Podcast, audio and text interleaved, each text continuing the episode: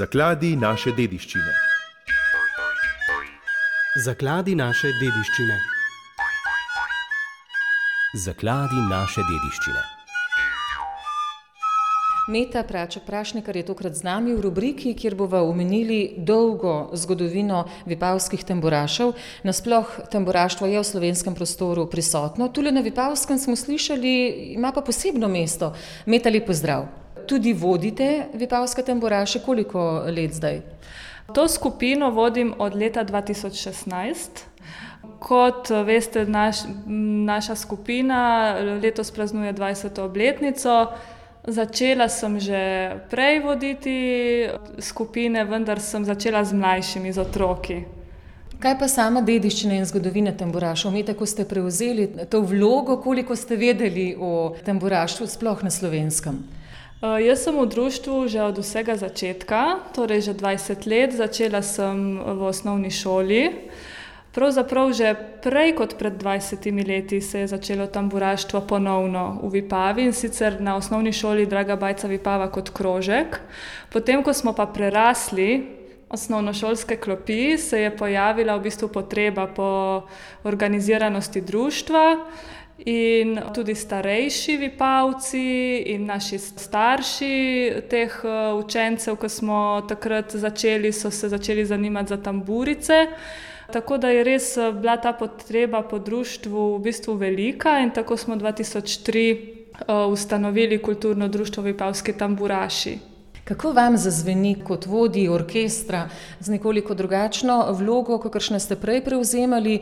Tamburica, kako vam ta inštrument zazveni, kje prepoznate lepoto v tem strunskem inštrumentu, ki ima seveda res dolgo zgodovino?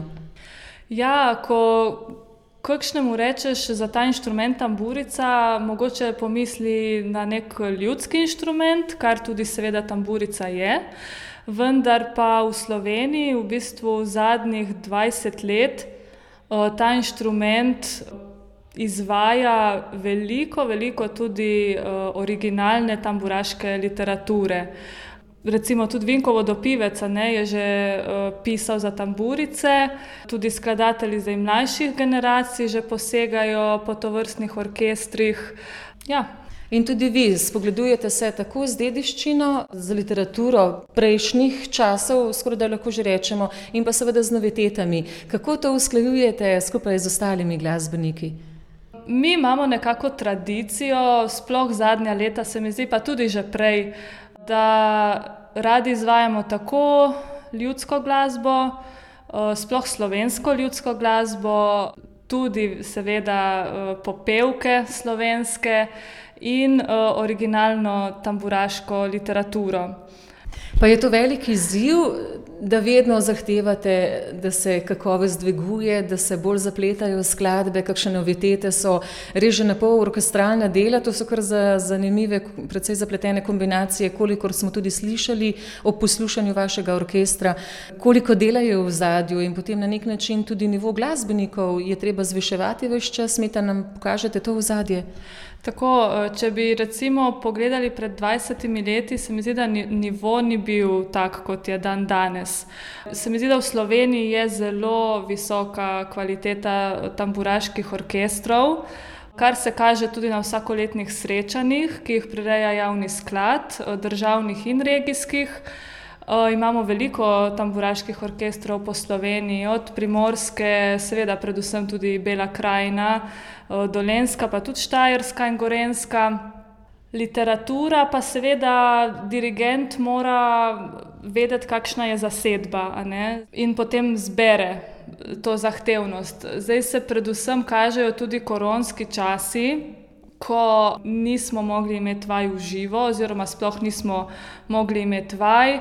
Pri vseh orkestrih v Sloveniji se mi zdi, da se to pozna, Do, določeni člani so pač odšli, niso vrnili po teh koronskih časih. Zdaj mi tudi ne gojimo podmladka, mogoče zadnja leta se uh, nimamo mladih. No. Ti, ki so ostali, poskušamo ohranjati to, za kar smo si pred 20 leti zadali. Predvsej nagrad ste pobrali. Kakšni so načrti za naprej, Meta, kam segate? Imeli smo zdaj v zadnjih mesecih res veliko, veliko vaj, veliko intenzivnih vaj. Vikendi so bili kar uh, pestri, kar se vaj tiče, ker priprava takega velikega dogodka pač zahteva veliko mero ne samo organizacije, ampak pač tudi vadenja. Program je bil po večini nov, torej na novo smo se večinoma skladb naučili. Imamo pa že konec junija, 29. junija, ob 8. zvečer v Tolminu celovečerni koncert. Tam bomo zaigrali skladbe, tamburaške zakladnice, ki jih najraje igramo. Računamo na tudi malo poletnih počitnic in jeseni, kdo ve, načrti verjetno bodo. Mete Praček Prašnikar, najlepša hvala za ta kratek pogled v aktualnosti vipavskih tamburašov in naj živi tamburaštvo še naprej. Iskrene čestitke. Najlepša hvala. Zakladi naše dediščine.